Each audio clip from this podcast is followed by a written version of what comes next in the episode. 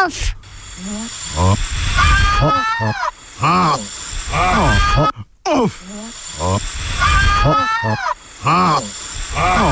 Off. Side.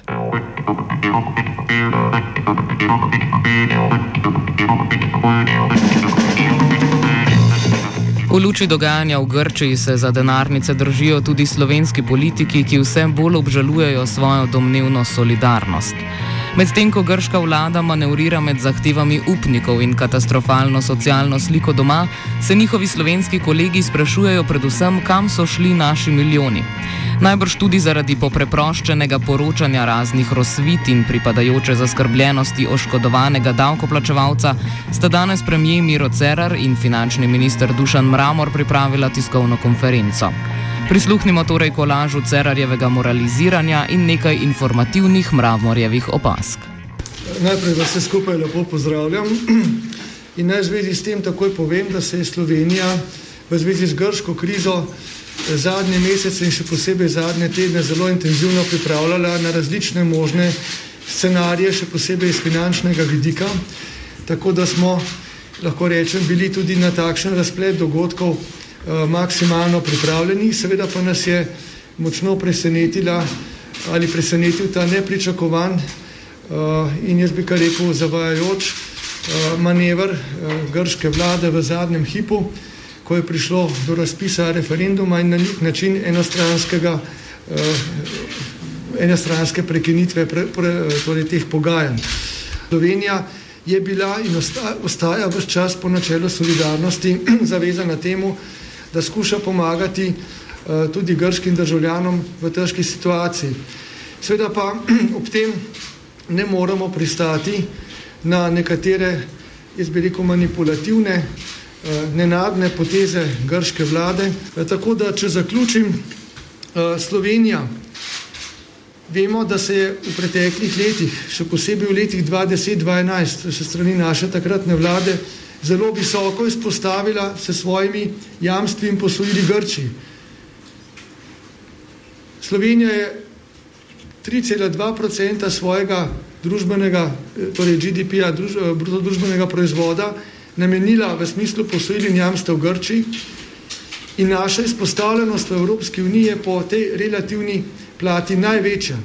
Slovenija torej v izjemno veliki meri pomagala Grči, da najde pot iz krize, tako da smo tukaj še posebej upravičeni, da na nek način pričakujemo tudi s strani grške vlade konstruktivno sodelovanje, ki ga do zdaj enostavno nismo doživeli. Mogoče lahko dodam naslednje.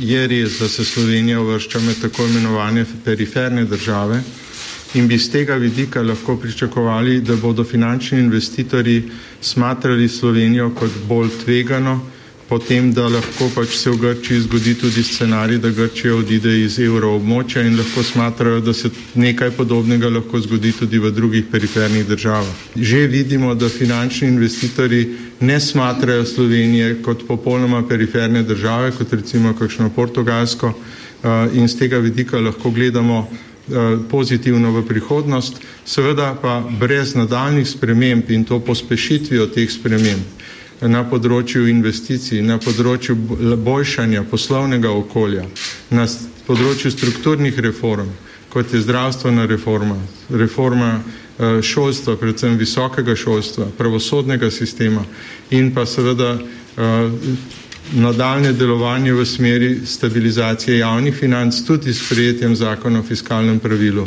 Eh, bo Slovenija pač, če tega ne bo delala in to intenzivno, se lahko odnos finančnih investitorjev do Slovenije spremeni. Eh, zdaj, ko gre v bistvu za dve vrsti pomoči, ena vrsta pomoči je v okviru bilateralnih kreditov, ki so bili odobreni Grčiji v okviru prvega programa, gre za 263,6 milijona evrov, kot vemo, posojila.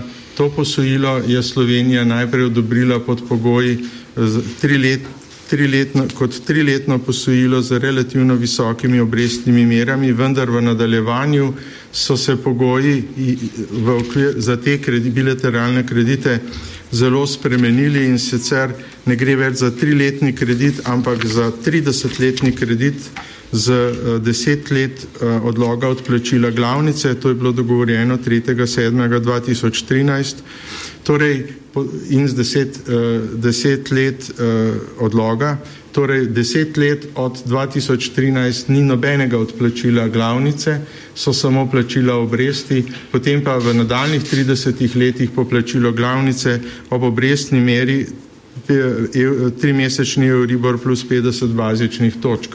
Glede ta drugega, kjer gre pa za jamstva, za EFSF, to je pa v bistvu v prvem programu je bil uh, neposredni bilateralni kredit, v drugem programu pa je bil skle, določen sklad za stabilnost ustanovljen, ki je se zadolžil na finančnih trgih, za kar so države ki pomagajo Grčiji, dale, dale jamstva in tukaj je dala Slovenija pač ustrezen delež tega jamstva. Ta jamstva se ravno tako nanašajo na kredite, ki so z podobnimi temi uh, podobnimi pogoji, kot je bil bilateralni kredit, to se pravi določen grace period, se pravi odlog plačila in šele potem plačila glavnic. Se pravi, z tega vidika bi moralo priti do tega, da Grčija ne plača svojih obveznosti, pa v desetih letih ima samo še obve, ima šele obveznosti z obresti in potem ta sklad EFSF ne, nima uh, možnosti poplačati obveznice, ki jih je on izdal. V tem primeru bi bila samo jamstvo uh, uresničeno in bi mi zahtevali pač plačilo iz Slovenije. Spravi še tudi veliko časa, Eh, še več časa kot pri bilateralnem kreditu, da bi prišlo do poplačil.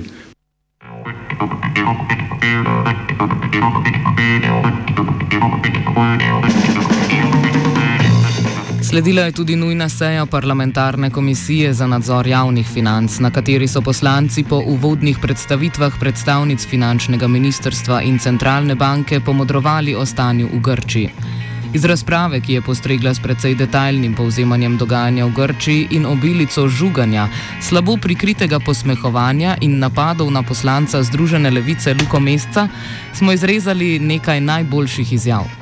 Začenja poslanec Slovenske demokratske stranke Andrej Šircel, predsednik omenjene komisije. Dogodki eh, v zadnjih dneh eh, nas seveda prepričujejo o tem, da uh, grška dolžniška kriza ni muha enodnevnica, da je trajala že dolgo in da bo trajala še precej dolgo časa, s tem, da ne vemo, kakšen bo končni izid. Gospod Luka Mesec, izvolite. Tukaj v Grčiji se ne gre enostavno za ta sebičen odnos, ali bo Slovenija dobila nazaj denar ali ne. Uh, tudi pač vsota ni taka, kot je tukaj napisana, ampak je nekajkrat manjša. Uh, kot drugo pa, ko govorimo o Grčiji, govorimo v bistvu o konceptu Evrope. Pogovarjamo se o tem, ali bomo podprli zdaj neko vlado v Evropi, ki si prizadeva pač za drugačen evropski družbeni sporazum, ki si prizadeva za to, da nam ne bi več vladal, vladale uh, finančne inštitucije prek uh, dolgov, uh, ki si prizadeva za to, da bi pač Evropska unija postala dejansko pač skupnost demokratičnih držav, ali pa bomo popustili temu, da nam še pač naprej vladajo neke tehnokratske elite, dolžniška kriza in pa pač nek brezčutni neoliberalni kapitalizem, ki ga ne živijo samo v Grčiji, ampak ga zelo močno pokušamo tudi v Sloveniji. Postopkovno, gospod Bratušek, izvolite.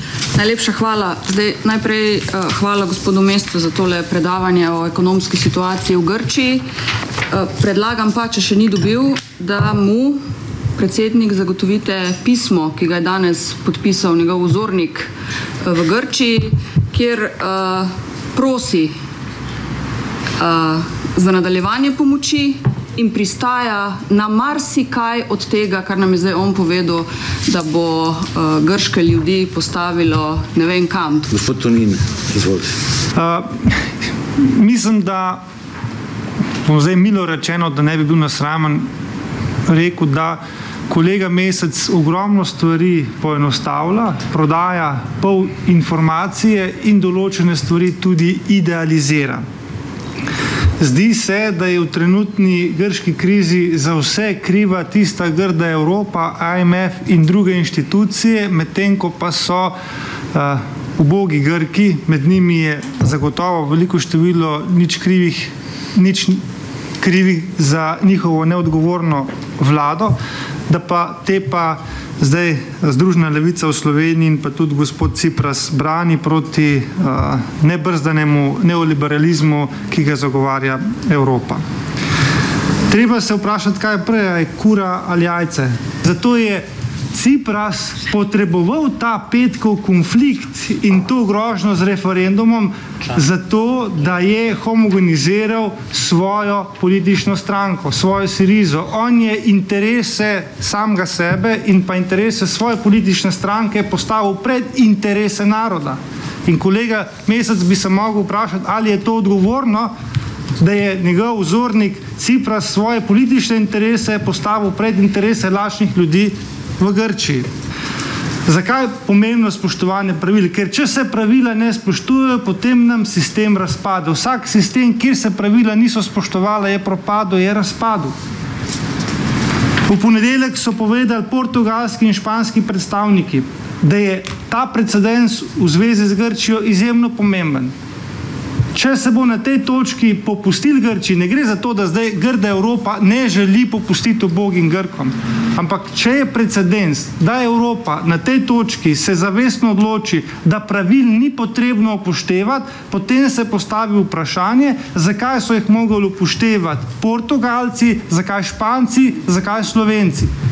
Če enkrat pade to pravilo, potem pade tudi Evropska unija. Tako da Jaz mislim, da ta grški primer je lahko tudi za kaj dober, da se bo na nek način na evropski ravni pokazal, da je treba na nekem trenutku reči stop demagogiji, stop nerealnim obljubam, kakršne je dajala Siriza pred volitvami in da nas iz sedanje ekonomske in finančne krize ne more rešiti socialna demagogija, ampak izključno in samo trdo in pošteno delo. Gospod Matjaš Nemec, izvolite. Hvala predsedujoče za besedo. In Grčija bo morala spremeniti način življenja. Vemo tisti, ki smo bili v Grčiji, vsaj ko smo se primerjali s Slovenijo, da so živeli daleč nad svojimi sposobnosti, kar je dejstvo. To ne more nihče, nihče na nek način zanikati. Vemo, da so v veliki meri živeli tudi boljše kot mi Slovenci, pa kljub temu, da so manj ustvarili. Ampak po drugi strani vemo sami, ker smo mi bili tik pred tega, ko damo mi možnost, ko ustvarimo neko politično situacijo ali pa socialno uh, situacijo, da ta roka kapitala, ki smo ga v globalnem svetu priča, ta pa je hudobna roka kapitala, to, kar je uh, omenil tudi kolega Mesec in tukaj se z njim strinjam, ko jim damo povode za to, da karkoli si vzamejo, si to za veliko žlico tudi vzamejo. Gospa Lenka Bratušek je naslednja, izvolite. Najlepša hvala. Bom začela z vprašanjem, uh, ker sem pravzaprav šokirana, ko poslušam kolega Mesca, ki sedi uh, nasproti mene. Ali to, kar govori, res verjame? A to, kar govori, uh, kako nič ni treba in vsem bo bolje, res verjame? Se ne živimo v pravljici. Živimo nažalost ali pa na srečo v realnosti in v realnem svetu. Kako lahko nekdo reče, da to, kar si sposodiš, ni treba vrniti? Kako? Potem vsem slovencem, ki so danes zadolženi za stanovanja, za avtomobile, za mogoče nekateri nažalost tudi za hrano, preprosto rečemo, ne tega ne vrnejo. Če ni treba, pa bomo videli, kje bo naša država končala. To je neodgovorno do uh, slovenk in slovencev, kar uh, smo danes tukaj slišali, ampak resnično neodgovorno. Hvala lepa, gospod Horvat, izvolite. Hvala, gospod predsednik, kolegice in kolegi, spoštovane predstavnike vlade, drugi odlični gostje. Ko me čakam, da bo moj spoštovani kolega Luka Mesec postal predsednik vlade. Zakaj? Zato, ker sem pred državni banki vzel kredit za avto uh, in um, kolega Luka Mesec, hvala za naprej za denar, ki mi ga boste dali, ker moja žena želi obnovo kopalnice po 30 letih. Um, tukaj zdaj pravljico neham. Nadaljujem s tem, kar je ena od vrednot Evropske unije in to je solidarnost. Večkrat sem že povedal in danes ponavljam, Slovenci, Republika Slovenija, smo bili solidarni z grškim narodom, smo solidarni danes in bomo solidarni. Velja pa seveda naš slovenski preprosti princip in načelo čisti računi, dobri prijatelji.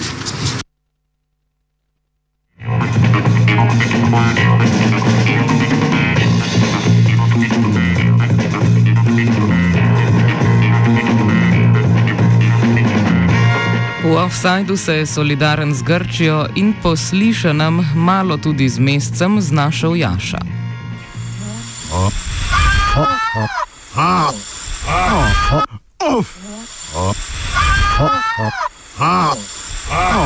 Offside.